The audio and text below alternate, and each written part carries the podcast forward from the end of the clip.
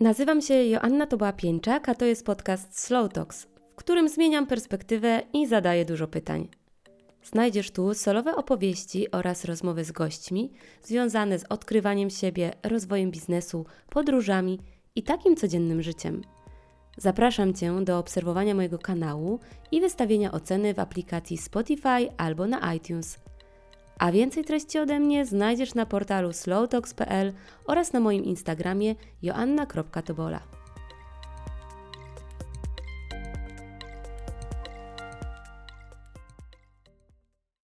Drogi powinny być jak dywan położony na naturalny krajobraz. Architektura powinna być kształtowana w analogii do natury, żadnych tablic reklamowych i hoteli molochów. Przyjeżdżasz tu oglądać naturę. Tak o Lanzarote mówił Cezar Manrique, artysta, który nadał charakter wyspie i wyeksponował jej piękno. Mieszkam tutaj już, albo dopiero, 8 miesięcy i mam wrażenie, że każdego dnia zachwycam się na nowo nieprzewidywalnością i pięknem wyspy. Dlatego w tym odcinku zabieram i Ciebie do tego świata. O wyjątkowości Lanzarote, atrakcjach, kanaryjskiej kuchni i dziedzictwie Cezara Manrique porozmawiam z Zofią Reszczyk, która mieszka tu od 2015 roku i tworzy swój mały świat. Wcześniej Zofia przez lata pracowała jako rezydentka i pilotka turystyczna w krajach hiszpańskojęzycznych, a obecnie prowadzi biuro podróży na Lanzarote i pomaga w planowaniu wakacji oraz odkrywaniu zakamarków wyspy. Cześć Zosiu. Cześć Asiu. Bardzo Ci dziękuję, że zgodziłaś się uchylić trochę tego swojego świata i porozmawiać o wyspie, która, jak powiedziałam, mnie zachwyca. Jestem ciekawa, jak Ciebie po takim czasie, jak ona na Ciebie działa, ale jak to się w ogóle wydarzyło, że Ty po tym intensywnym czasie życia jako rezydentka, pilotka zdecydowałaś się, albo ktoś za Ciebie zadecydował, osiąść na wyspie i zbudować tutaj swoje miejsce? Asiu, na wstępie bardzo Ci chciałam serdecznie podziękować. To ja Ci dziękuję za zaproszenie i jestem przeszczęśliwa, że będę mogła Twoim słuchaczom opowiedzieć troszeczkę na temat Lanzarote. Wyspy, która moim zdaniem jest najbardziej magiczną, zdecydowanie najbardziej magiczną ze wszystkich wysp kanaryjskich i pewnie Tak. się tym zga- zgodzisz ze mną, no Zgadzam właśnie. się. Jak to się stało, że pojawiłam się tutaj na Lanzarote? Pracowałam ym, dla Biura Podróży Itaka, czyli największego turoperatora na, na wyspie właśnie jako pilotka i rezydentka i trafiłam na Lanzarote w listopadzie 2010 roku po raz pierwszy. Byłam akurat po intensywnym ym, sezonie na Majorce, to był mój pierwszy sezon turystyczny, więc też byłam mocno zestresowana, bo to jest wiadomo, to co jest pierwsze, to jest bardzo intensywne. I tak samo byłam bar- po bardzo intensywnym rozstaniu w moim Okej. życiu z partnerem. I siedziałam tak sobie, pamiętam, w Józefowie, ponieważ jestem z Józefowa, spod Warszawy, siedziałam na sofie i tak płakałam i ten deszcz tak też płakał ze szyb i to był listopad, więc listopad na zewnątrz, listopad w moim sercu. I pomyślałam sobie, Boże, Zofia, musisz stąd wyjechać. Więc napisałam do mojego byłego szefa e-maila, spytałam się, Panie Marku, może by Pan znalazł jakieś miejsce dla mnie na przezimowanie? Po czym on napisał po kilku godzinach i powiedział, no dobrze Pani Zofio, może Pani jechać, jako, że ja zawsze jestem otwarta, więc też powiedziałam mu, że jestem po rozstaniu, więc potrzebuję nowego, Mhm. świeżego powietrza. I on powiedział, dobrze, może Pani jechać, jedzie Pani na Lanzarote, tylko bardzo szybko proszę się spakować, ponieważ za trzy dni będzie Pani już jechała na, na, na, na właśnie, leciała na Lanzarote. I ja mówię, aha, Lanzarote, w ogóle nie wiedziałam, gdzie to jest. Bo Miałam to samo, No kiedy właśnie. raz zobaczyłam e, ofertę biura podróży, mówię, Lanzarote? Tak. I to był mój problem. Mimo tego, że, że byłam związana z turystyką, mimo, tego, że, że podróżowałam, natomiast właśnie Lanzarote, wiadomo, w tym okresie, 2010 Mhm. rok, były popularne tylko Teneryfa czy, Tak. czy Gran Canaria. Nawet jeszcze Fuerteventura nie Mhm. była tak bardzo popularna. Więc zajrzałam do Google'a, wygooglowałam Lanzarote i patrzę, no ciekawie, bardzo ładnie to wygląda. Jeszcze też nie było aż tak bardzo popularne, więc nie było dużo artykułów na temat Lanzarote w języku polskim. Większość była po hiszpańsku albo po angielsku, więc zaznajomiłam się z tymi e, artykułami. Szef mój powiedział jeszcze jedną bardzo ważną rzecz. Pani Zofio, jak Pani jest trochę jednak z takim, no jest Pani po rozstaniu, to boli Panią serce, to jak Pani pojedzie na to Lanzarote, to jest taka trochę wyspa depresyjna. U, Tak, ze względu Mhm. na kolorystykę, ze względu na ciemne kolory, więc ja nie wiem, czy Pani się tam spodoba. No ale spróbowałam, więc spakowałam walizki, w sobotę e, był wylot, bo zazwyczaj so, są w Mhm. sobotę e, loty na Lanzarote. I po pięciu godzinach wysiadłam z samolotu i przywitało mnie słońce, świeże powietrze i czyste powietrze. Mhm. I pomyślałam sobie, Boże, to jest jakiś raj, że jestem w listopadzie, tu jest ciepło. No. Mega, mega. I to mi się super spodobało. I wystarczył mi tydzień, żebym ja wiedziała, w 100% wiedziała, że to jest moje miejsce na świecie. Wow. I nie pytaj się mnie, dlaczego to było. To po prostu była jakaś wewnętrzna siła płynąca prosto z serca, ale ja wiedziałam, że jeżeli, wiadomo, rezydentura trwa 2 do 6 miesięcy, wiedziałam, że będę musiała stąd wyjechać, ale wiedziałam także, że kiedyś tu wrócę. I wróciłam. Jak szybko? 2000, na początku wróciłam w 2012 roku, Mhm. kolejny raz jako rezydentka, jako pilotka. E, Później jeszcze podróżowałam do, tak jak napisałaś, powiedziałaś we wstępie, podróżowałam jeszcze po, po Hiszpanii, po kierunkach właśnie hiszpańskojęzycznych. I w 2015 roku, po kolejnym kryzysie, wypaleniu zawodowym, a także po kryzysie, no wtedy akurat kończyłam 30 lat, więc Taki moment przełomowy. Tak, więc potrzebowałam stabilizacji. Mhm. Jednak praca rezydenta jest pracą bardzo intensywną. I, y, a mnie marzyło się, żeby mieć po prostu swoje miejsce na świecie, żebym mogła zrobić sobie sama jajecznicę, a żeby nie ta Mm. jajecznica była mi podawana, Mhm. ponieważ mieszkałam zazwyczaj w hotelach. Więc to był taki okres właśnie przełomowy, taki mały kryzys, mój pierwszy mały kryzys, do tej pory chyba ostatni. I w 2015 roku pomyślałam sobie, Zofia, wracasz do Polski. Okej. Wracasz do Polski, bo akurat byłam po kierunku na Kubie, otwierałam e, kierunek e, kubański. I potrzebowałam po prostu świadomego życia w Polsce. Pomyślałam sobie, jestem Polką, cały czas gdzieś uciekam. Mhm. Może te podróże są właśnie ucieczką, więc potrzebuję stabilizacji. I próbowałam e, przez dwa miesiące przesiedzieć w Polsce, natomiast przez dwa miesiące padał deszcz. Okej. I ja wtedy zrozumiałam, że Polska jednak to nie jest moje miejsce na świecie. Mhm. I to był kwiecień i maj. Miesiące, które przypuszczalnie są najpiękniejszymi. Wiosna. Wiosna, wszystko się budzi do życia, a tam cały czas padało i Mhm. padało. A ja nienawidzę deszczu i Mhm. nienawidzę zimna. I pomyślałam sobie, że jednak zmieniam zdanie i y, lecę. Tylko jeszcze nie wiedziałam gdzie. Do pracy jako rezydentka, czy to już było po prostu nie? To już ja Koniec, już, to tak, Ja już wypalenie. wtedy w 2015 roku, po ostatniej destynacji, czyli po Kubie, po, napisałam do, do biura podróży, tam gdzie pracowałam, powiedziałam, że przepraszam, ale ja już po prostu więcej nie dam rady. Mhm. już jest tego za dużo. Praca rezydenta Asiu jest fantastyczna, ale ma też bardzo dużo minusów. Chciałam o to zapytać, Mhm. tak jeszcze zanim już osiądziesz na tym Lanzarote, bo Dobrze, spoiler, dobrze, osiądziesz na tym dobrze. Lanzarote, ale właśnie chciałam o to zapytać, bo jak ja sobie przypominam, jak byłam dziewczynką, nastolatką i widziałam te kobiety w tych obcasach, spódnicy Tak. ołówkowej, koszuli z tą piękną apaszką, ładnie Tak. wymalowane, które po prostu przychodziły i mówiły no tak, jestem tutaj w Egipcie od 6 miesięcy. No tak, jestem Mhm. tutaj w Hiszpanii jako rezydentka już trzeci sezon. To ja sobie myślałam, przecież to jest praca marzeń. Tak. Przecież to jest coś niesamowitego. Nawet to, co powiedziałaś. Ktoś ci codziennie serwuje jajecznicę. Co to za problem? Jakby w czym widzisz problem? To jest wygoda. Mieszkasz w różnych miejscach, możesz podróżować, poznawać nowych ludzi. Podejrzewam, że gdzieś tam jeszcze może się pojawiać w głowach, co to za praca? Przyjść, opowiedzieć. Jesteś na słońcu, czego chcieć więcej? Tak. Ale jest ta długoterminowa ta druga strona medalu. Oczywiście, Mhm. tak pewnie jak i w Twojej pracy. I w każdej Myślę, że w pracy. każdej, tak, w każdej tak, tak. pracy tak jest, że my dostrzegamy to, co klienci, turyści dostrzegają to, co chcą zobaczyć. Tak. I oni widzą nas, e, przechadzających się w obcasach, tak jak mówisz, prawda? Tak. Em, Uśmiechnięte. Uśmiechniętych, e, idących do, do baru, biorących sobie kawę, prawda? Ponieważ wszystko jest za darmo. Dla nas jest wszystko za darmo. My nie musimy płacić za to.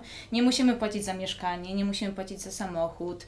Benzyna też jest nam płacona, prawda? Więc Mhm. wszystko po prostu jest, to jest idealny świat. I jesteś zewnątrz. na przykład na Kubie albo w I jesteś na Hiszpanii. Kubie i się opalasz i pijesz mojito. Mhm. Jest idealnie. Ale, tak jak mówię, są momenty, kiedy już nie dajesz rady. A dlaczego nie dajesz rady? Turystom wydaje się, że y, my jesteśmy dostępni 24 godziny na Mhm. dobę.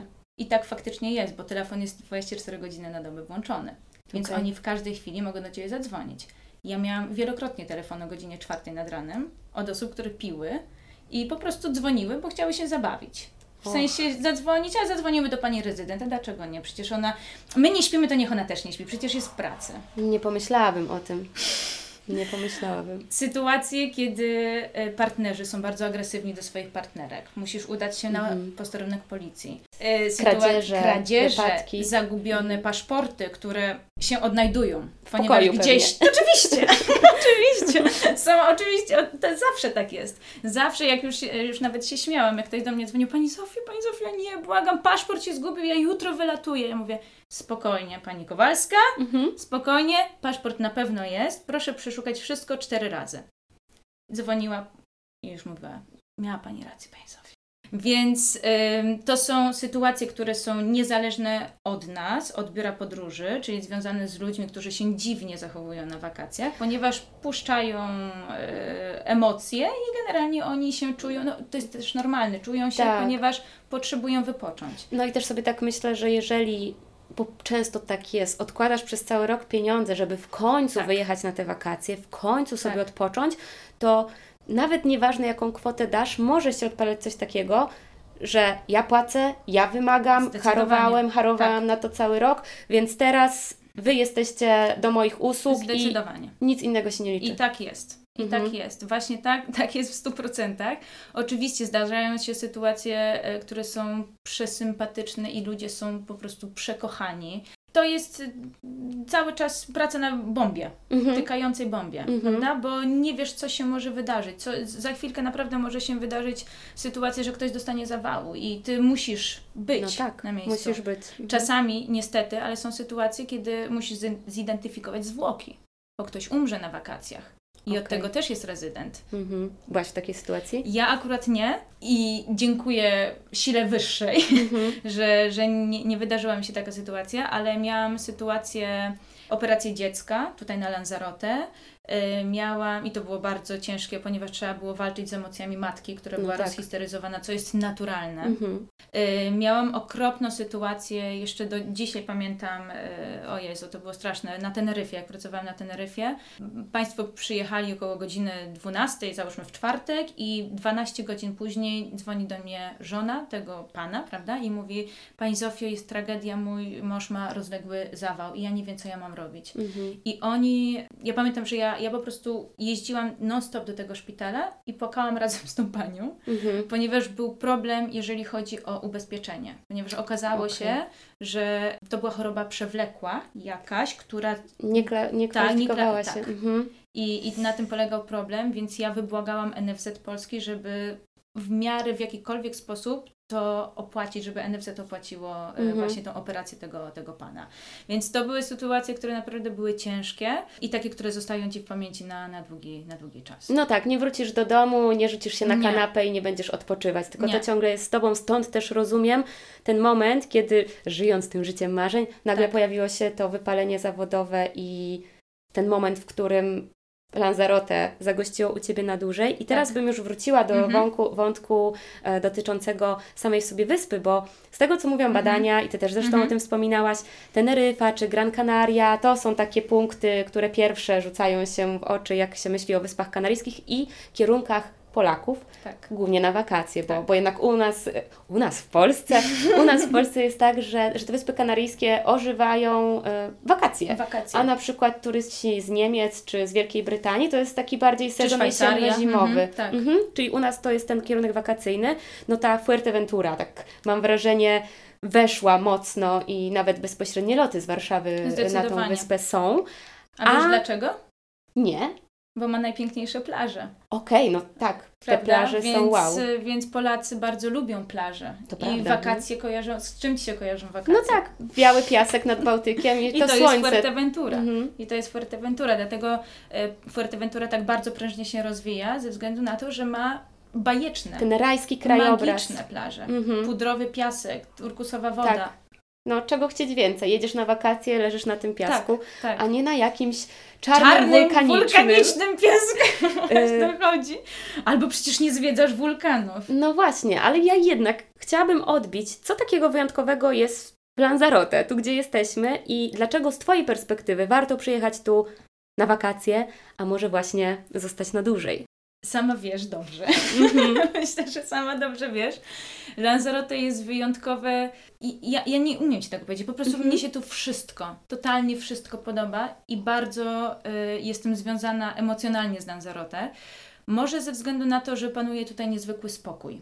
Że Tak. to nie jest taka wyspa jak na przykład Teneryfa czy Gran Canaria, kiedy masz bardzo duże nagromadzenie turystów, bardzo dużo hoteli, kiedy masz e, wyspy, właśnie Teneryfa, Gran Canaria, które nie są spójne. Tutaj Lanzarote jest bardzo spójna, ze względu też na przykład na całą urbanistykę. Tak. Bardzo mi się podoba e, to, między innymi, że nie ma billboardów reklamowych. Oj, bardzo. To jest pierwsza rzecz, chyba tak mi się wydaje, która się rzuca w oczy. W momencie, kiedy lądujesz, widzisz dwie rzeczy: wulkany, czyli czerń, i białe domki, Tak, zdecydowanie. prawda? I pojedyncze palmy I pojedyncze palmy, tak.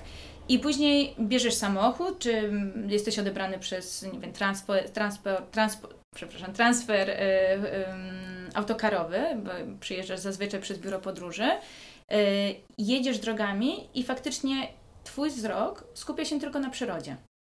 Tak, nic cię nie rozprasza. Nic cię nie rozprasza, nie jesteś przebodźcowany. Mhm. I mnie się to bardzo podoba na Lanzarote, że nie ma tego przebodźcowania, że można się uspokoić, że możesz mm, naprawdę oddać się naturze Mhm. i być częścią tej natury. To jest też to, do czego dążył Cezar Manrique, Mhm. czyli osoba, która, artysta, który wykreował tę wyspę, który nadał jej charakter, który swoim temperamentem, charyzmą nadał właśnie charyzmę także i wyspie. Tak, i niesamowite jest to, że czasami można spotkać się z opinią, że o, Lanzarote taki krajobraz wulkaniczny, yy, tam w zasadzie nic nie ma, posłucha, a ja mam wrażenie, Mhm, mhm. że czasami jedziesz 15 minut, zmienia się krajobraz, kolejne 15 minut, zmienia się krajobraz, kolejne 15 minut, lądujesz w zupełnie innej krainie i wciąż się zastanawiasz, jak Tak. to jest możliwe, że Ty jesteś na jednej wyspie, która nie jest zbyt dużą wyspą. Asiu, mamy dosłownie to samo. Ja mam, ja mam, to jest to, co chciałam Ci powiedzieć, że może nie 15 minut, miałam 5 kilometrów. 5 kilometrów i faktycznie zmienia się krajobraz.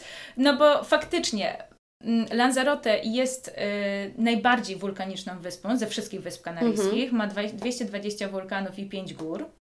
Y, Główną atrakcją turystyczną jest najsłynniejszy Park Narodowy Timanfaya, czyli to są właśnie te y, wulkany, 25 wulkanów, które wybuchały między latami 1730 a 1736. Y, Park Narodowy Timanfaya jest drugim na Wyspach Kanaryjskich najczęściej O, odwiedzanym y, parkiem i czwartym w całej Hiszpanii. Wow. Więc jest super popularny. Mhm. Natomiast w Parku Narodowym Timanfaya czujesz się jak na Marsie. O Tak. tym na pewno słyszałaś i też możliwe, że Twoi słuchacze też słyszeli. I w ogóle nie wiem, czy wiesz, ale w momencie, kiedy NASA wysłała łazika Perseverance na Marsa, Mhm. to ten Perseverance został nazwany Timanfaya.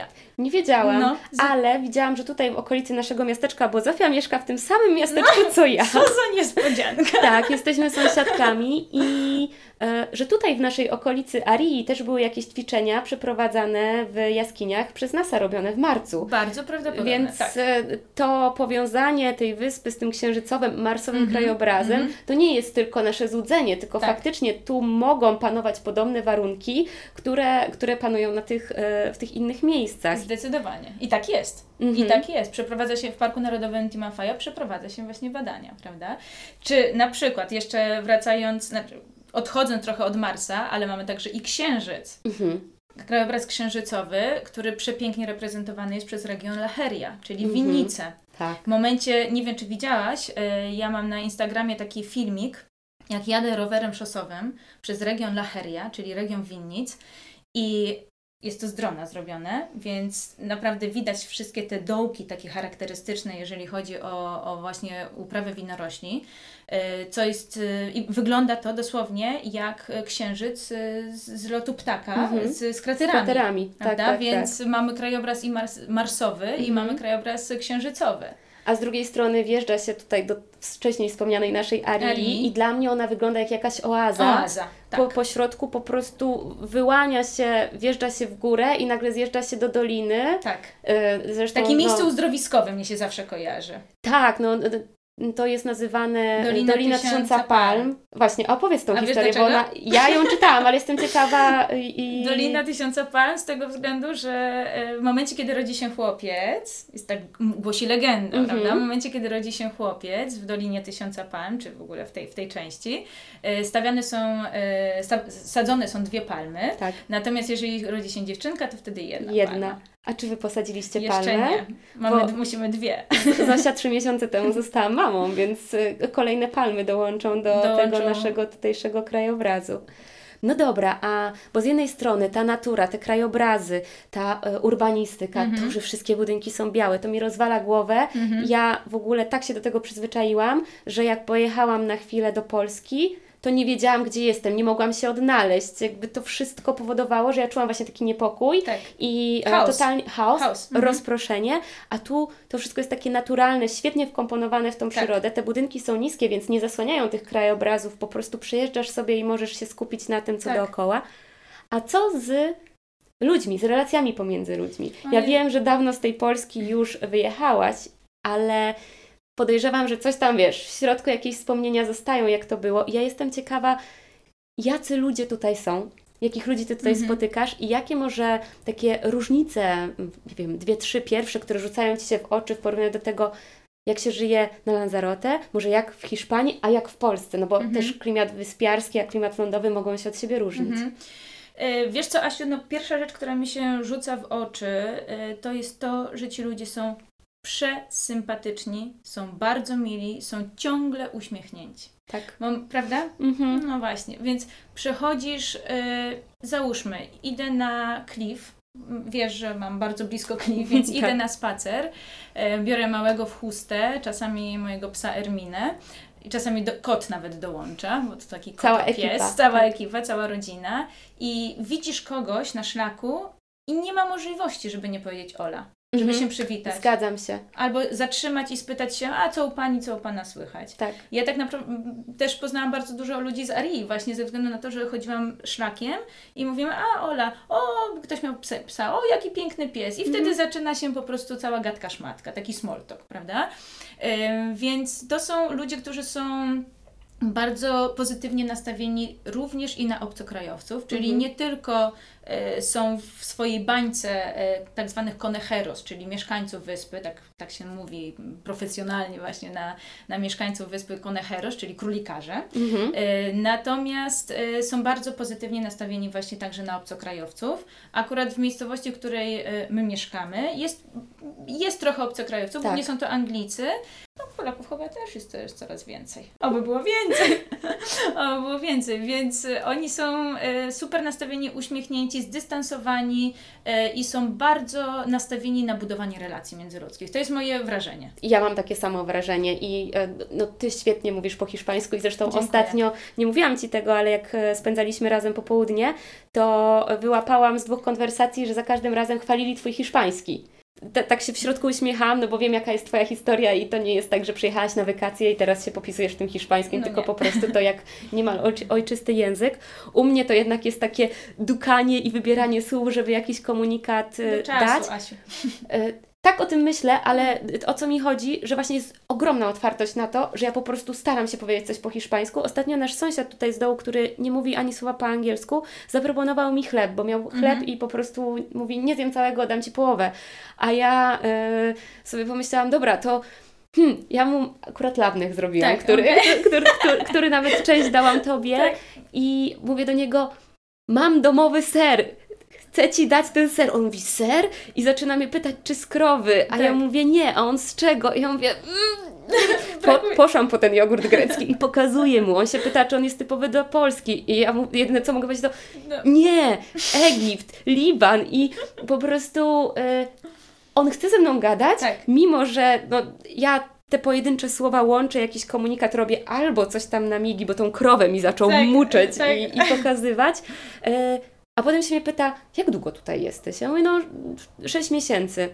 Mówi, to super mówisz. Mówisz, tak. Bo wiesz, bo jak Mhm. są ludzie z Francji, z Włoch, Tak. to inaczej. A ty jesteś z Polski i to zupełnie dwa języki. I to jest takie fajne, że oni supportują Cię w tym, że, Absolutnie. że jeżeli Ty wychodzisz z tą inicjatywą, chcesz chociaż coś spróbować, relacje w sklepie, nie ma możliwości wejść do sklepu, żeby nie wymienić tych uprzejmości, żeby właśnie nie było Mhm. tego uśmiechu, a potem idziemy spacerem i Pan ze sklepu jedzie i nam macha. macha. Tak, tak, dokładnie. Wyrzucamy śmieci, spotykamy prawdopodobnie sąsiadkę, bo też nie zawsze wiemy, czy to jest sąsiad, czy może turysta, który tutaj wpadł, ale też każdemu mówimy Podniesienie Ola. ręki, tak. Tak, no jak Mhm. byłyśmy razem wspólnie e, wtedy w Punta Mujeres, to starsza kobieta zagadała do Twojego partnera, bo on akurat Waszego syna Tak. miał. Zaczęło się uprzejmości, po pięciu minutach była wymiana numerami telefonów. Okazało się oczywiście, że mamy wspólnych znajomych, Znajomy. bo tutaj każdy gdzieś tam jakoś się ze sobą przecina. I to jest super energia. Tak. Mnie to karmi, mnie to po prostu ci uśmiechnięty, uśmiechnięci ludzie sprawiają, że i ja się chcę uśmiechać. I jeszcze e, chciałam wtrącić, bo właśnie jak powiedziałaś, że dobrze, za, może za dobrze nie mówisz w języku hiszpańskim, ale próbujesz, to w momencie, kiedy dostajesz taki feedback, super feedback od osoby, która jest Hiszpanem, Hiszpanką i mówi, jak super mówisz w języku hiszpańskim, jaką to buduje Twoją pewność siebie. Tak, to jest To jest niesamowite, Tak, prawda? tak, bo od tak. razu myślisz sobie, kurczę, jednak mi się coś udało, Jed, nie? jednak to się Tak. udało, mimo że to są pojedyncze słowa, ale mega motywujące i fajnie wpływa też te na, inter, na te interakcje. Interakcje międzyludzkie, pewnie, że tak. Coś Mhm. jeszcze w kontekście tych takich codziennych rzeczy? Uprawiają bardzo dużo sportu. O tak. O tak. Prawda? Mhm. I jeszcze w tej naszej części, w której my mieszkamy, mieszkamy na takich bardziej offroadowych, górskich trasach. E, tutaj też są organizowane m.in. biegi trailowe. Nie wiem, czy, Tak, czy, no, czy, no, czy no. wiedziałaś o tym? Widzieliśmy, No. byliśmy na mecie. To jest akurat Aria, nasza część, ale generalnie cała Lanzarote, e, cała wyspa Lanzarote jest super nastawiona właśnie na e, przywitanie turystów, którzy e, bardzo lubią aktywnie spędzać czas. Głównie rower. Głównie rower, głównie triatlon. Triatlon, tak. Też tak. nie, nie wiem, e, czy wiesz, pewnie wiesz, bo ty wszystko wiesz, No że tutaj jest najtrudniejszy Ironman na Słyszałam, świecie, prawda? Czyli słyszałam. razem Kona, Hawaje, tam gdzie odbywa się finał i tutaj Lanzarote, to są dwa najtrudniejsze Ironmany na świecie i właśnie mówi się, że ten jest tutaj zdecydowanie najtrudniejszy. Tak słyszałam, plus jeszcze w rejonach La Santa Tak. e, fale i e, tereny dla surfer, Surfer- surferzy. tereny tak. dla surferów. Jeszcze w rejonie La Santa, e, taką ciekawostkę Ci powiem, ponieważ Ironman został wprowadzony przez takiego pana, który nazywa się Kenneth Gasket. On jest Duńczykiem, e, przybył tutaj na Lanzarote 20-30 lat temu. 20 lat temu wprowadził Ironmana na wyspę Mhm. i otworzył także wielki kompleks, e, który znajduje się w La Santa. To jest kompleks sportowy. I tam organizowane są też triatlony i Mm. między innymi triatlon, który nazywa się Ocean Lava, który jest jego jakby dzieckiem, można było powiedzieć, który stworzył właśnie tutaj na Lanzarote. Ocean Lava, czyli masz Mhm. ocean, masz lawę, typowe dla Lanzarote. tak. I ten Ocean Lava stał się właśnie takim międzynarodowym triatlonem e, i między innymi od 2014 roku mamy go także i w Polsce, w Bydgoszczy. Nie No. wiedziałam. Jest na tej wyspie, mam wrażenie, bardzo dużo takich smaczków, Mhm. które no ciężko jednak zobaczyć, jak się przyjeżdża na tydzień wakacji. Przyjeżdżasz też z innym nastawieniem. Mhm. My tu byliśmy w 2016 roku. Mhm. Zaliczyliśmy sobie kilka tych podstawowych Tak. atrakcji, o których pewnie za chwilę pogadamy. Ale zupełnie inaczej też patrzę na tą wyspę, będąc tutaj dłużej. No bo też inne rzeczy się Mhm. doświadcza. I ja mam wrażenie, że tutaj też dużo się dzieje Mhm. i że ci ludzie uwielbiają zabawę Tak. i uwielbiają mieć powody Tak. do świętowania, do świętowania Tak. czegokolwiek, a jak świętują, na przykład karnawał, Tak. to już na całego. Tak. To nie ma przebacz. To jest miejska impreza, w której jest jasno zakomunikowane, że ona będzie w niedzielę od 9 wieczorem do 4 rano. I przez cały dzień jest zabawa. I przez cały dzień jest I zabawa. oni no. traktują to naprawdę bardzo serio, bo jeżeli na przykład zwrócisz uwagę na stroje, jak oni się przebierają, Oj, no to tak. jest po prostu, nie wiem, dwa, czy nawet dwa tygodnie, czy nawet miesiąc przygotowań, żeby to idealnie było dobrane. Po prostu ludzie w to idą i się bawią. I się bawią, no uwielbiają się bawić. Poza tym są specjalni artyści w ogóle zapraszani na, na Mhm. karnawał. Y, To y, też właśnie chciałam Ci o tym powiedzieć, bo jak pytałaś się, czy na wakacje, a może na dłużej zostać tutaj, Mhm. żeby ktokolwiek został, to y, co, co chwilę tutaj się coś dzieje. Co chwilę Ja jest jakaś impreza. I Ja najfajniejsze jest to, że to wszystko jest za darmo. Tak, zdecydowanie. Nie? To jest Mhm. po prostu wow, myślisz sobie, kurczę, jakbym musiała otworzyć swoją, e, swoje, swój portfel z pieniędzmi, żeby zapłacić, zapłacić, zapłacić za cokolwiek, a tak naprawdę tutaj jest wszystko za darmo. I na świeżym powietrzu, na plaży i czasami, na przykład jak są imprezy tworzone na koniec, y, organizowane imprezy na koniec lata y, w Arrecife, czyli w stolicy Mhm. wyspy, to są zapraszane naprawdę duże gwiazdy. Tak, albo koncerty muzyczne, które nagle zjeżdżają jakieś gwiazdy do miejscowości, Tak. o której mało kto kiedykolwiek Tak. słyszał. Ja wciąż pozostaję w szoku. W naszym miasteczku 600 osób, około 600 osób chyba tutaj mieszka, prawda? No, tak, kiedyś sprawdzałam, bo mnie zawsze te dane ciekawią, żebym mogła sobie porównywać z innymi miejscami. To jak my tu przyjechaliśmy, co tydzień Coś na jest. głównym placu kabaret, koncert, Tak. pokaz mody kapeluszy, no bo Tak, tutaj też tak, z tego tak. wyplatanych rzeczy ten, ten region y, Show magiczny. słynie. Show magiczne, Mhm. cyrk, e, ten triatlon, o którym wspominałaś, że my w pewnym momencie z Tomkiem nie, da, nie nadążaliśmy i mieliśmy taki ej, to chyba u nas w miastach tyle rzeczy się nie działo, No. te, tylu atrakcji nie było, jak to wygląda tu i widać, że te społeczności się w to angażują. Bardzo. Bo czasami jak idziemy na spacer, to mamy wrażenie, że jesteśmy tutaj niemal sami, Mhm. bo Nikogo nie ma. nikogo nie ma. Zdecydowanie. Ludzie Mhm. albo poza Mhm. miastem, no bo jadą do pracy na przykład do stolicy, albo w swoich domach, patio, ogrodach, których Tak. z ulicy nie widać, ale jak coś się dzieje, to nagle się okazuje, że bardzo dużo ludzi tutaj mieszka i oni tak. wychodzą, uczestniczą w tym. Y, to jest fakt. Masz rację, że y, to jest też dla mnie szok, że w momencie, kiedy jestem na wyspie, gdzieś przejeżdżam, czasami jak jadę ulicami, to nie ma żadnego samochodu. Tak. I to jest fascynujące, y, bo faktycznie można skupić się albo na podcaście, którego sobie słuchasz, na, albo na tej przyrodzie.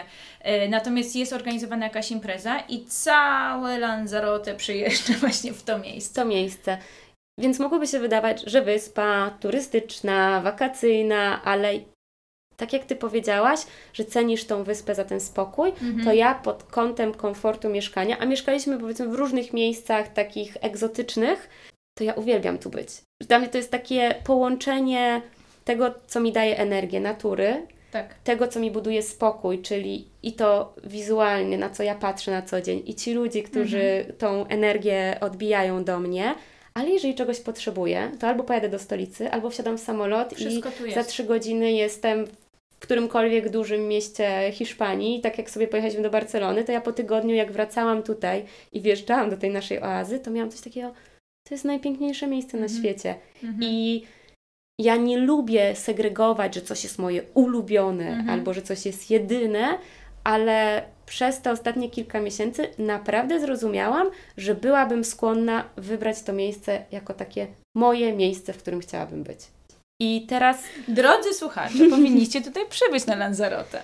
przybyć, zobaczyć, może zostać na dłużej, żeby Mhm. jeszcze bardziej to poczuć i nie martwić się tym, że może nie ma super bezpośrednich połączeń do Polski, bez Polski, bo się znajdą połączenia, które będą korzystne, a ten lekki, lekki trud włożony, żeby tutaj dotrzeć, myślę, że Warto, zdecydowanie. że warto i że to może odczarować też taką wizję Wysp Kanaryjskich jako kurortów hotelowych na Tak, wakacje I hoteli Molochów między innymi. I hoteli prawda? Molochów, dokładnie. To, co jest fajne, ja bym jeszcze e, tutaj ten wątek troszeczkę Mhm.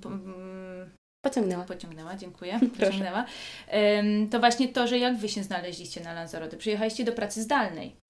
Przyjechaliśmy tak do pracy zdalnej i w ogóle nie braliśmy Lanzarote pod uwagę, bo sobie myśleliśmy, chyba za małe, Mhm. chyba mało się będzie działo i po prostu wiesz, no tak jak Ci opowiadałam, Tomek mi pokazuje dom, a ja tam widzę białe ściany, biała Tak, wylewka, zielone tak. okiennice, ogród, widok na miasto, no Lanzarote i Palmy, w ogóle Mhm. jak to?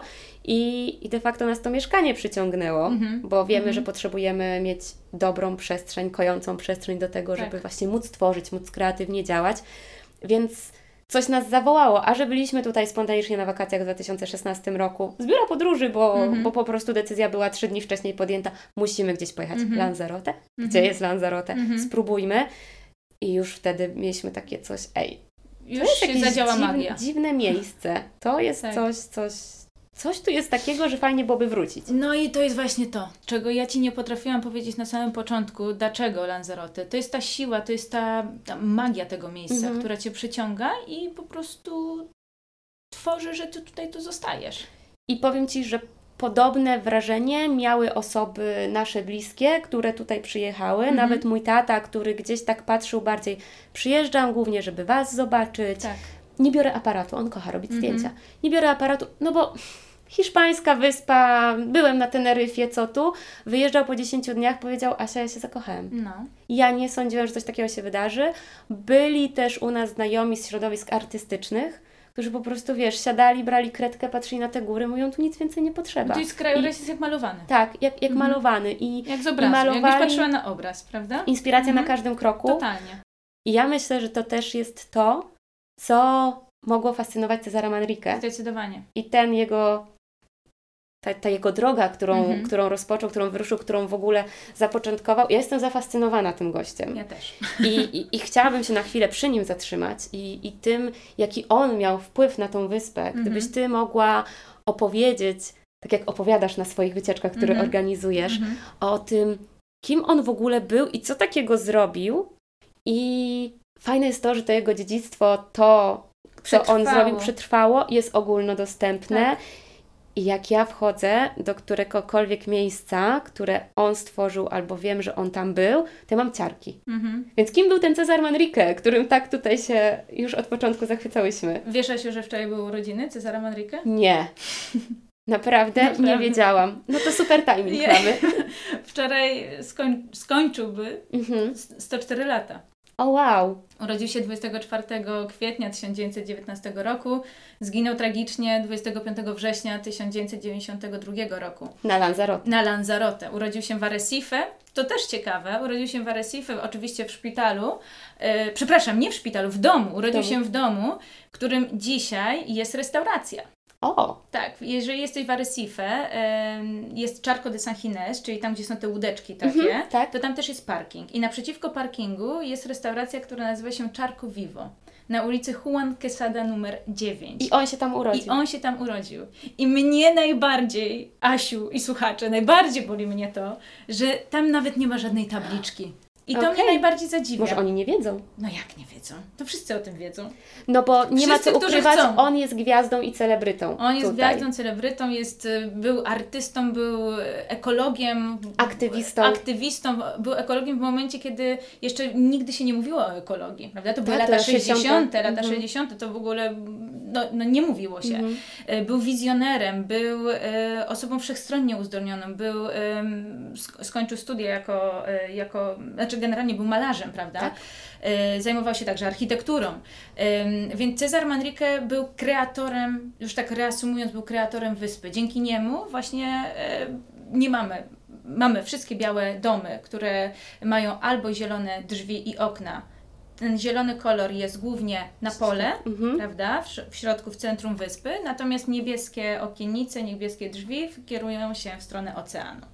E, Wszystkie białe domy, które są bielone wapnem, Mhm. e, zbudowane z kamienia wulkanicznego. Ja tutaj teraz tak, tak patrzę na ten Twój budynek i wydaje mi się, że też jest z kamienia wulkanicznego, Jest bo na to są szansa. grube ściany, są bardzo grube ściany. Jest na to szansa, no bo też e, ciekawostka, my wynajmujemy dom od ostatniej uczennicy Tak. Cezara Manrique, więc jak w ogóle, wiecie, zobaczyliśmy ten dom i wizualnie nam się spodobał, a potem zaczęliśmy drążyć tą historię, to mieliśmy ciarki, myśleliśmy, to jest miejsce dla nas. Tak. I czasem ją podpytujemy, jak to tam Super. się pracowało, jak to było i, i ona też jest nim zafascynowana, nie ma co, nie ma co oszukiwać.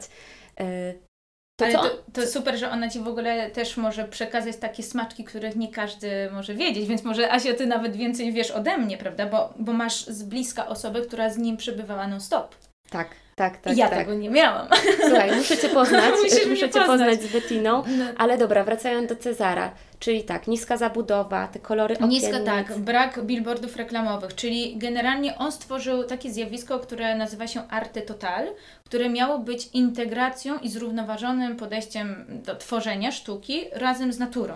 Czyli generalnie to natura miała grać pierwsze skrzypce, a człowiek miał być gdzieś tam schowany z tyłu, miał nie przeszkadzać. Mhm. Czyli wyeksponowanie natury i wyeksponowanie piękna natury, e, skupienie się na, niej, na niej, nie niszczenie, nie zabijanie, tylko po prostu uwypuklenie i Wykorzystanie, wykorzystanie. łączenie tego Tak, wszystkiego, tak. tak. jak w jego domu, w tych Tak jak w jego domu. bąblach wulkanicznych, nie wiem, czy to- Fundacji, tak, bąble wulkaniczne, tak. Mhm. E, Fundacja też Cezara Manrique, czy dom Cezara Manrique, który znajduje się w naszej miejscowości w Arii, są idealnym e, przykładem właśnie jego pracy. E, No fundacja jest niesamowicie wykorzystana. W ogóle też nie wiem, czy wiesz, to też jest fajna opowieść, ponieważ Cezar Manrique chodził po tym polu lawowym, tam gdzie Mhm. ma swój dom i akurat spotkał się z właścicielem tego pola lawowego i mówi, panie, ile ten, ten, to pole lawowe, ponieważ ja bym chciał kupić. Ale panie Manrique, co pan, po co panu to w ogóle jest? Przecież to są tylko, to, to jest Kamienie. tylko lawa, to są kamienie, jeszcze wchodzisz na nie, bo to jest lawa AA, czyli taka lawa, która jak wejdziesz, to od razu jesteś porysowany. Mhm. Ym, więc po co to panu jest? On mówi, ile? Bierz pan za darmo. I on ten teren dostał za darmo. I Mhm. później z niczego stworzył coś. I to było niesamowite w Manrique, że on uwielbiał na przykład jakieś ruiny, albo jakieś zapadliska, jakieś rzeczy, które w ogóle nie mają potencjału, a dla niego miały potencjał. Mhm. Tak samo cała Lanzarote dla innych wyspiarzy, czyli z Teneryfy, Gran Canaria, y, Fuerteventury, Lanzarote była traktowana jako kopciuszek. Była No tak. wyspą, która, której oni mówili, Boże, jaka brzydka wyspa, tutaj nic nie ma, tylko są Mhm. same kozy i wielbłądy. Gdzie tutaj coś uprawiać? Tak, Jak tutaj. Tak, dokładnie. A okazuje się, że to jest Że fantastyczne, fantastyczny grunt do tego, żeby na przykład te winorośla, z Tak. których, tak jak mówiłaś, La Heria, tak? Laheria, tak, E, region s- Słynie, więc e, potencjał wyspy jest ogromny, tylko musiał się pojawić ktoś. Ktoś, kto by zapoczątkował i który, kto, ktoś, kto byłby konsekwentny w Mhm. działaniu. Bo jeżeli możesz mieć, możesz mieć pomysł, możesz być takim aktywatorem tego pomysłu, ale jeżeli za tym nie pójdziesz, za tą swoją ideą i za tą wizją, to Jak jest teraz w kontekście, no bo on już nie żyje od kilkudziesięciu lat Mhm. i czy nadal to, co on ustanowił, jest respektowane? No bo Tak. wiesz, to jest takie gruba rzecz, Tak. że ktoś powiedział, że tak ma być i Raz była taka sytuacja, kiedy Cezar Manrique, e, po śmierci Cezara Manrique e, we, we wrześniu 92 roku, jakaś firma samochodowa, teraz nie powiem Ci Mhm. jaka, załóżmy Fiat, załóżmy, Em, po, pomyśleli sobie, aha, Cezar Manrique nie żyje, to znaczy, że skończyła się jakaś era, epoka, to w takim razie robimy billboardy reklamowe. I postawili billboard reklamowy na, jednej, na głównej trasie w Arrecife. 24 godziny Mhm. był ten Mhm. billboard. I później powiedzieli, jeżeli nie zdejmiecie tego billboardu, za, z, zabieramy Wam koncesję generalnie. żegnacie się pozwolę- z tak. wyspą. Mhm. I od tego momentu, to była jedna tylko taka próba i od tego momentu już później absolutnie nie mieliśmy, wszyscy się słuchają. Dlaczego? Dlatego, że ta wyspa jest inna. Mhm. Dzięki temu, dzięki, dzięki dziedzictwu e, Cezara Manrique, ta wyspa jest inna. E, To, że mamy tak piękne atrakcje turystyczne, które zostały stworzone przez Manrique. Mhm. Mamy między innymi, zwróć uwagę, jaki jest wykorzystany Park Narodowy Timanfaya. Mhm. Tam znajduje się, to jest jedyne miejsce na wyspie, w którym możemy czuć ciepło z wnętrza Z ziemi. Tak. Czyli na e, głębokości 4 metrów mamy 250 stopni, na głębokości 15 metrów mamy osi- 800 stopni Celsjusza.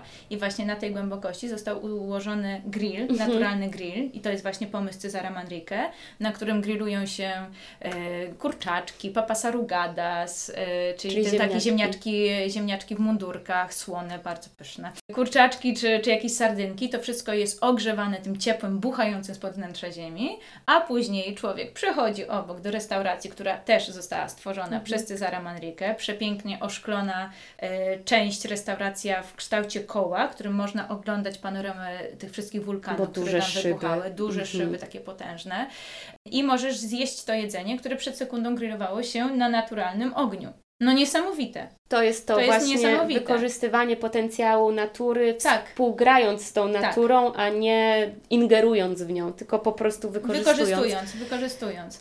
Czy na przykład Jameos de Lagua, jaskinia, która jest boska, to Mhm. jest jedno z moich ulubionych miejsc na wyspie. Czaruje niesamowicie, jest to magiczne miejsce, E, ale jaskinia Jameos de Lagua kiedyś była po prostu zapadliskiem, ponieważ to jest, jaskinia Jameos de Lagua znajduje się w tunelu wulkanicznym, Mhm. który notabene jest jednym z najdłuższych tuneli wulkanicznych na świecie, nazywa się tunel Atlantyda i w momencie, kiedy no, po prostu było zapadlisko, był, był ten tunel, zapadł się strop, zapadł się sufit i powstała jakby jaskinia. I te, do tej jaskini były rzucane śmieci. To było wysypisko śmieci. I Cezar Manrique przyszedł tam kiedyś i mówi, kurczę, ja to mogę zmienić. I przedstawił swoją wizję, przedstawił swoją wizję przyjacielowi, który w rządzie e, Lanzarote, który miał wpływ właśnie na kształtowanie wyspy, wziął go na piwo i powiedział: Słuchaj, stary, ja mam taką wizję, taką, taką i taką i taką. Chciałbym stworzyć Lanzarote w zupełnie inny sposób. Tak, żeby nie przypominała ta wyspa pozostałych innych wysp, które wyglądają dosłownie tak samo. E, akurat Cezar Manrique krystalizował te wszystkie swoje e, idee po e, pobycie w Stanach Zjednoczonych, między innymi w Madrycie, we Francji, na Majorce i on po prostu widział, co się dzieje ze światem, że świat pędzi. Akurat to Mhm. były lata 60., to był boom Tak. turystyczny między innymi już na całym świecie i on widział, że Lanzarote może stać się jedną z wysp. Tak. Nijaką, Mhm. bez duszy. Ja mam taką jego książkę, gdzie on opisuje piękno e, właśnie Mhm. Lanzarote i tam na początku zaczyna się taki postulat jego, że musimy się opamiętać, Tak. bo jeżeli, bo Wyspy Kanaryjskie, on mówi generalnie o Wyspach Tak. Kanaryjskich, jeżeli będzie to szło w takim kierunku, jak to idzie Teneryfa, bo tam już się zaczynało powoli Bum! boom, Bum, i to bum, coś tak. dziwnego Mhm, tak. architektonicznie z jego perspektywy, to tam on mówił wprost, to przegramy z Afryką, to Afryka Tak. będzie e, tym lepszym miejscem, gdzie będą chcieli przyjeżdżać ludzie, turyści, a nam zostanie nic i przepadniemy w tym wszystkim, więc on tam, no taki na początku jest właśnie taki mocny postulat jego, opamiętajmy się, zachowajmy nasze dziedzictwo, wyeksponujmy je, bo ludzie będą chcieli tutaj przyjeżdżać właśnie dzięki temu, że to będzie wyjątkowe miejsce w skali całego świata, a nie kopia kolejnej wyspy. O to chodzi. Mhm. I tak jest. I tak jest. I zwróć uwagę, jedziesz ym, na Fuerteventurę, która od nas oddalona jest o 7 kilometrów, 20 minut promem. 20 minut promem, y, wjeżdżasz do, do, do portu i już widzisz 60 milionów różnych kolorów, Tak. prawda? Mhm. I już Twoje oczy są rozbiegane. Jesteś na Lanzarote, jedziesz samochodem i jest po prostu spokój, masz tą czystość Mhm. i masz tą spójność, o której mówiłam na samym początku. I to jest, i to jest niewiarygodne, bo Jak to wpływa na nas, wpływa na nasz na organizm i tak. funkcjonowanie i jadąc do stolicy, mamy pół godziny do Mhm. stolicy, to nie pojawia się to się, o rany, dobra, trzeba się przeciskać, jechać. Tu nie ma korków. Mhm, mhm. Jedziesz tą drogą i za każdym razem zjeżdżając z tej góry, po prostu ja myślę, wow, Tak. widzisz ocean, widzisz inne miasteczka, widzisz w zależności od pory roku albo zielone wzgórza, albo takie żółtawe tak. i za każdym razem jest to takie coś niewyobrażalnego i z przy... no, my z przyjemnością jedziemy w tamtą stronę. Nie wiem, czy Ty po tylu latach też z przyjemnością, Ja ale Każdego dnia odkrywam Lanzarote, coś nowego. tak, dokładnie, ja, to, ja, to, ja to samo No. czuję. No. A właśnie zostając przy tym odkrywaniu, bo już tak powoli będziemy się zbliżać do końca, jak Ty byś miała sobie, bo tak jak powiedziałam na Tak. początku, Ty prowadzisz tutaj biuro podróży i, Tak.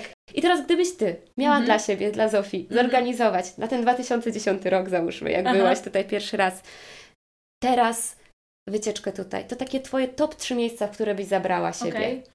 Mm, zacznijmy od najbliższego tutaj, y, od Arii, czyli Mirador de Rio. Oj tak. Uwielbiam. Mhm. Ja też. Mirador de Rio em, to jest punkt widokowy na wyspę, na ósmą już oficjalnie wyspę, która nazywa się La Graciosa. Mhm. I ten punkt widokowy jest stworzony, słuchajcie, klifie i w tym klifie jest włożone okno O, panoramiczne, prawda? Mhm. Panoramiczne i przez to okno możesz obserwować całą tą tak zwany archipelago Chinicho, czyli zespół malusieńkich wyse, wysepek, e, między innymi właśnie głównie La Graciose.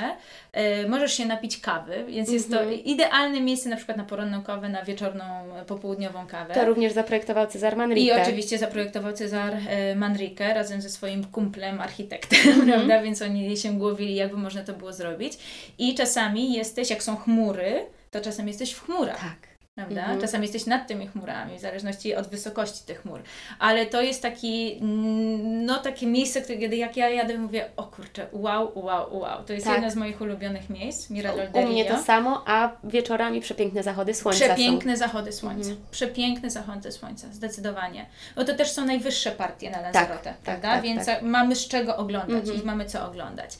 Drugie miejsce to jest Famara. Plaża Mhm. Famara, którą Mhm. kocham najbardziej. To jest dla mnie Famara to jest stan umysłu. To jest miejsce, w którym idziesz w momencie, kiedy masz jakiś problem w głowie i chcesz rozwiać pewne wątpliwości, po, zastanowić się nad swoim życiem, nad wyborami, jakiego, jakich dokonujemy. To ja zawsze jadę na Famarę są. Mhm. godzinny spacer w jedną, godzinny spacer w drugą stronę. Tam jest bardzo duży wiatr, Tak. prawda? Bo to jest miejsce dla surferów, Mhm. więc ten wiatr musi być. Tam tworzą się gigantyczne fale, cudowne. I, i ja wtedy jestem jak nowonarodzona po pobycie na, na, na Fawarze. I to jest dla mnie zawsze inny świat. Jak Mhm. my jedziemy na Famarę, Mhm. bo też sobie tam cyklicznie lubimy przyjeżdżać, to ja czuję właśnie taki reset. Tak, że to jest totalnie. E, nie tyle, że ucieczka, co jak potrzebujesz trochę odwrócić swoją codzienność, to, to jedź na Famarę. I Mhm. tak jak my na co dzień możemy pół godziny drogi, jesteśmy na klifach, z których Tak. podziwiamy Famarę w dole, Tak. to jadąc na Famarę widzimy te klify, które są no, niesamowi niesamowicie ta natura wygląda, plus Z jeszcze na drugiej przykład perspektywy, z drugiej prawda? Mhm. perspektywy, z tej plaży, ci surferzy i na przykład jeszcze Mhm. Zachód słońca. zachód słońca i chmury, które I otaczają chmury, te tak. klify. Brzuszki osła, tak zwane. A, To są te słynne brzuszki Okej, osła. No. okej. Czyli w momencie, kiedy te chmury nakładają się na klify. nie wiedziałam, że to się No, tak to nazywa. jest brzuszek Mhm, osła. Brzuszek osła. No i też Famara przechodzi jakąś em, transformację, no bo pewnie ta Famara, którą Ty znasz sprzed kilkunastu lat, trochę się różni od tej, bo dla mnie tam się staje taka trochę właśnie wioska digital nomadów, Tak, wioska surferów, tak, tak, tak. E, pojawiają się e, knajpy inne niż Mhm. powiedzmy na wyspie, mniej takie klasyczne hiszpańskie, Mhm. bo jednak dużo mamy tutaj tej Mhm. e, gastronomii typowo hiszpańskiej. Tak. To nie jest takie Bali, gdzie są kuchnie z całego świata Tak, i, tak, i tak, po prostu tak, tak. taka różnorodność. Głównie ta kuchnia hiszpańska, o której jeszcze za chwilę Cię Dobrze. wypytam, ale no na Famarze to, to, to już widać, że taka gentryfikacja wchodzi, ale myślę, że ona jest dobra, patrząc na to, że... Bo wyspa to się rozwija Wispa też. się rozwija, to jest wioska rybacka, która mogłaby Mhm. pustoszeć, no bo Tak. też jest Tak. jak się wjeżdża na Famarę, na Famarę jest jedna droga, którą się po prostu jedzie przez tak, jakby taką pseudo-pustynię, taki bezkres Tak. i po prostu widać te klify, widać te e, bialutkie domki i no, dla mnie inny świat. Sam wjazd robi wrażenie. Sam wjazd robi Nawet wrażenie. jest, można kupić sobie czapeczki i koszulki z LZ402, czyli właśnie to jest jedna z tych najsłynniejszych tras tutaj na dróg na, na Lanzarote. Trzecia atrakcja. Winice, Mhm. bo to jest miejsce, które jest no, nie, światowo niespotykane. To jest miejsce, w którym e, rosną winorośla, prawda? Mamy, e, rosną winogrona, przepraszam, są win, winorośla. E, natomiast to, co jest fajne, to te winorośla się płożą, czyli nie pną się tak na, jak w Polsce Mhm, ku górze, tylko wszystko jest płożące. I region La Heria wygląda jak księżyc z lotu ptaka, co będzie można zobaczyć między innymi na tym filmiku z Instagrama, Mhm. to też robi niezwykłe wrażenie. I w regionie La Heria pierwsze zbiory e, winogron są w lipcu i to jest, Lanzarote jest pierwszym miejscem w całej Europie, którym są zbiory winogron.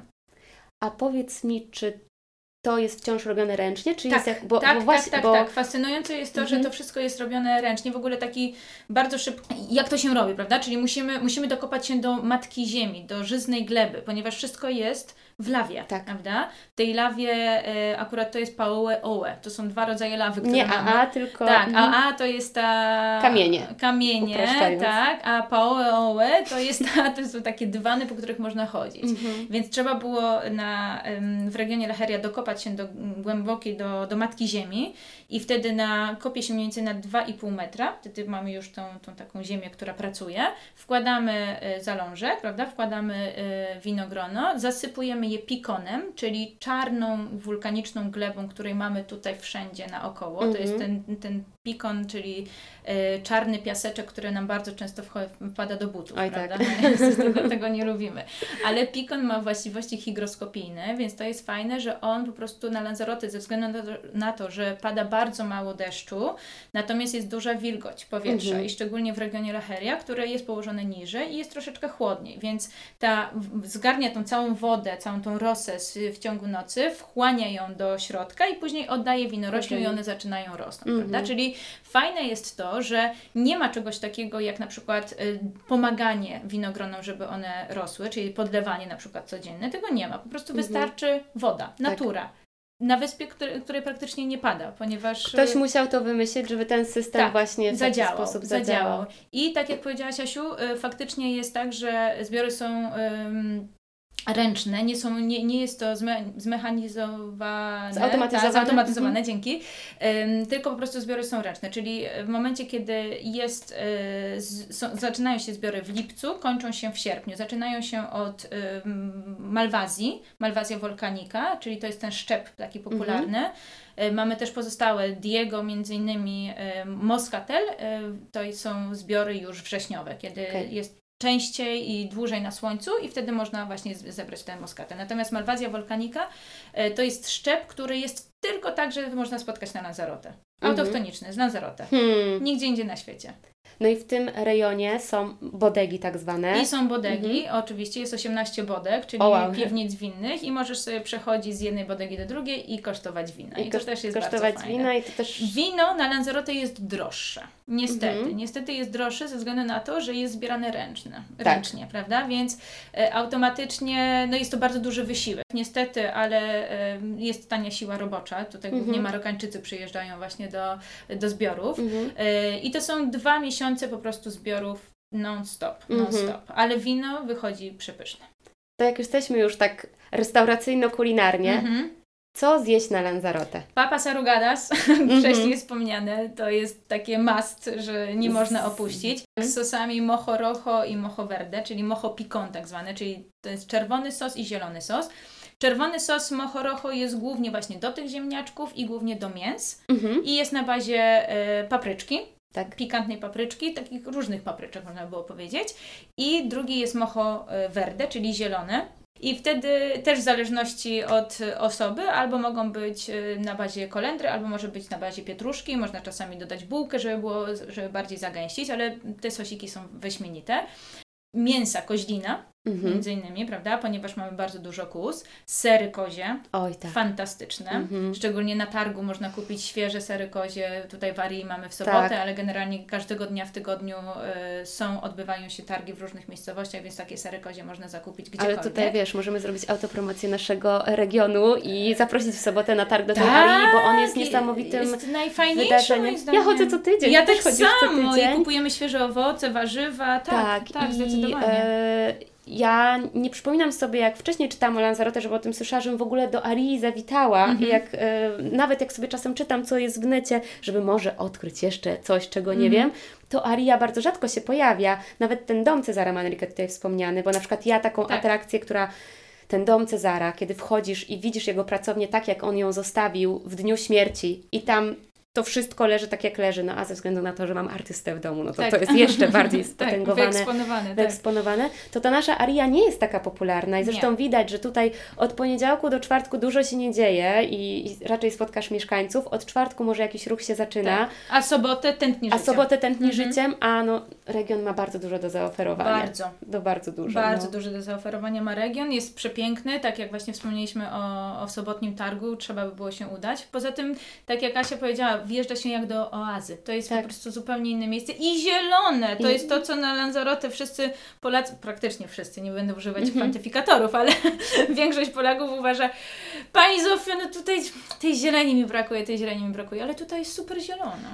To jest to, co też na początku rozmowy mówiliśmy, że co 5 minut, co, czy tam co 10 minut e, Krajobraz się zmienia. krajobraz się zmienia. Mhm, mhm. Dlatego przyjeżdżasz do, Lanza, na, do Arii i masz zieleń. Ziemniaczki, mięsa, sery. Sery, kawę trzeba spróbować, taką Mhm. bardzo popularną e, kawę. To się Lecie, nazywa lecie? Lecie, lecie też. A i jeszcze tak, I ta sorry. druga to jest barakito. Barakito. To jest taki napój kawowy, Mhm. przepiękny, kawa warstwowa. O Jezu, wygląda cudownie. Nawet dla mojego Szymka ostatnio zrobiłam. O, No bo, nie wiem, mówiłam Ci chyba, że będę chciała robić te warsztaty kulinarne, Tak, prawda? tak. Więc to będzie jeden z tych produktów, które będę chciała właśnie wypromować tutaj wśród Bo słuchajcie, ja Polaków. jeszcze zareklamuję Zosię, bo Zosia prowadzi Airbnb i Zosia wprowadza różne atrakcje w ramach tego Airbnb. Ostatnio byłam u nich na saunie.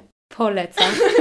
Pole, polecam na Kanarach spróbować sauny. Będą warsztaty kulinarne, no i niedługo pojawią Będą się rowery. rowery elektryczne. Tak. Już z Tomkiem się zgłosiliśmy jako pierwsi do, do testowania tej atrakcji, bo właśnie tutejsze te rejony są troszeczkę pagórkowate. Mhm.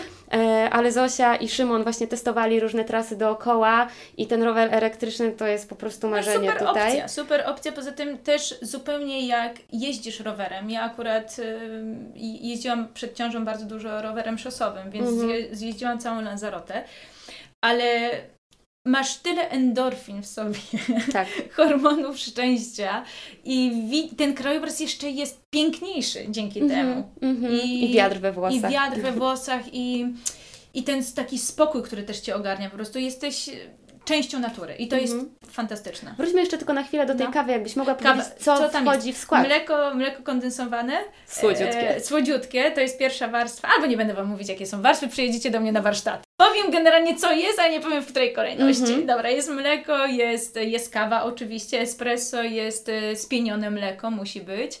E, no i ten, ten magiczny element, który spaja i tworzy właśnie tę, tę warstwowość, to jest likier 40 33 czyli Mhm. taki pomarańczowy likier.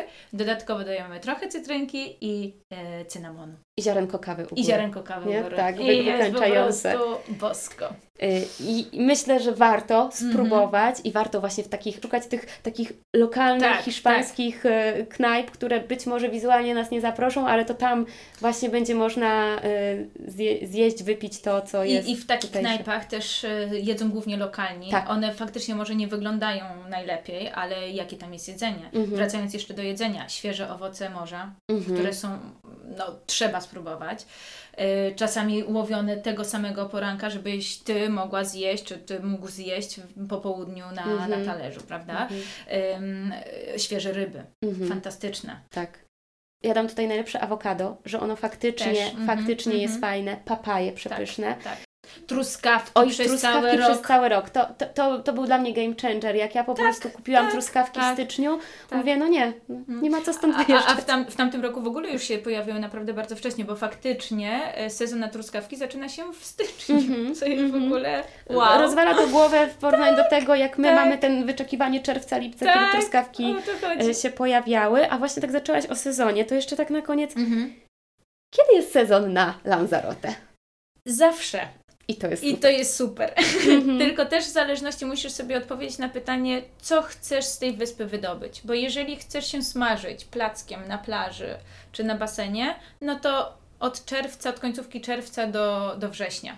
Nawet pewnie październik jeszcze zahaczy, przynajmniej w tym Ale roku takie październik. najbardziej gorące. Takie naj, tak, Okej, czyli, ten, najgo- czyli naj- faktycznie ten sezon wakacyjny, Wakacyjny, typowo. tak jak jest u nas popularny, to faktycznie Mhm. e, jest naj, najcieplej, ale też jest super wietrznie. Mhm. Ja bym w ogóle tutaj zmieniła całą tą nomenklaturę, za- ze względu na to, że nazwałabym tą wyspę wyspą wiatru Mhm. i, i pory roku to są albo okres y, przejściowy wiatru umiarkowanego, albo okres bezwietrzny i okres wiatru. Mhm. Teraz akurat w maju jest ym, kwiecień, maj, jest okres wietrzny. Wchodzimy w ten wchodzimy w ten okres hardcore, tak, nie? tak, Mhm. silnych wiatrów, które trwają od kwietnia do końca sierpnia i później od 1 września, jak za jak e, za dotknięciem e, Różdżki? różdżki, Mhm. prawda?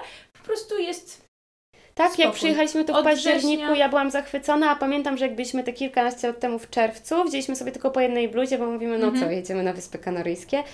No, była ta bluza bardzo przydatna, Bardzo bo wieczorami faktycznie, faktycznie wiało, więc to nie będą takie tropiki, albo nie będzie coś takiego jak Egipt, Tunezja w tych miesiącach wakacyjnych, gdzie po prostu 40 stopni się Mhm. smażysz, co też jest tutaj plusem Super. dla mnie, że chodzi. normalnie możesz funkcjonować w każdym miesiącu z tą temperaturą, która jest, bo ona jest taka po prostu umiarkowana. tak, to jest Przyjemna. kraina wiecznej wiosny. Wiecznej wiosny. Kraina no. wiecznej wiosny.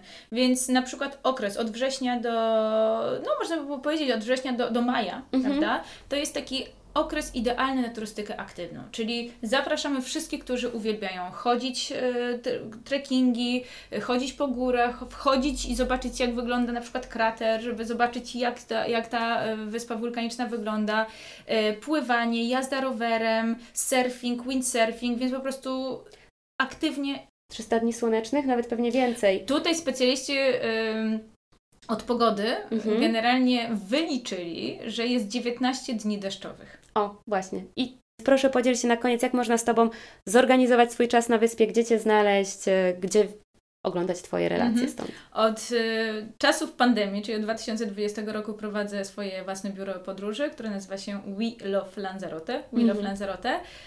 Y, znaleźć mnie można bardzo prosto, ponieważ wszystko jest We Love Lanzarote w internecie, czyli www.welovelanzarote.eu. Y, Także grupy facebookowe y, Lanzarote, informacje praktyczne, wycieczki i atrakcje. To jest Mhm. moja grupa, którą prowadzę. Fanpage na Facebooku pod nazwą We Love Lanzarote. O dziwo. O dziwo. I uwaga, niespodzianka, Instagram pod nazwą We Love Lanzarote. No i dobra, wiem, że chcę jechać na Lanzarote. Tak. Mam bilety. Co Tak. Ty możesz mi dać? W czym pomożesz? w organizacji czasu wolnego przede wszystkim, czyli osoby, które przyjeżdżają na um, pobyt tygodniowy, czy dwutygodniowy, czy nawet na dłuższy, mogę Wam generalnie zorganizować wszystko tutaj na wyspie. Pokazać, y, gdzie są najfajniejsze knajpy, mhm. Y, restauracje, gdzie najlepiej zjeść, gdzie najlepiej coś wypić, gdzie można się pobawić, jak można zwiedzić wyspę. Akurat z tym się specjalizuję, ponieważ tworzymy, tworzę taką wycieczkę do 14 osób, czyli zwiedzamy wyspę w grupach kameralnych, kameralnych, czyli nie w tych wielkich autobusach z 60 osobami, tylko które też tutaj są na wyspie. Które, które dominują na no wyspie, tak, można no było tak. powiedzieć, prawda? Więc bo są tańsze. Mhm. Chociaż moja cena uważam, że naprawdę jest dobra. Więc e, zwiedzamy w języku polskim oczywiście. E, mamy przewodniczki, które mają, e, które są przewodniczkami oficjalnymi, które zdały egzaminy. Ja Tworzę także dla grup, wycieczki dla grup prywatnych, dla rodzin, dla przyjaciół.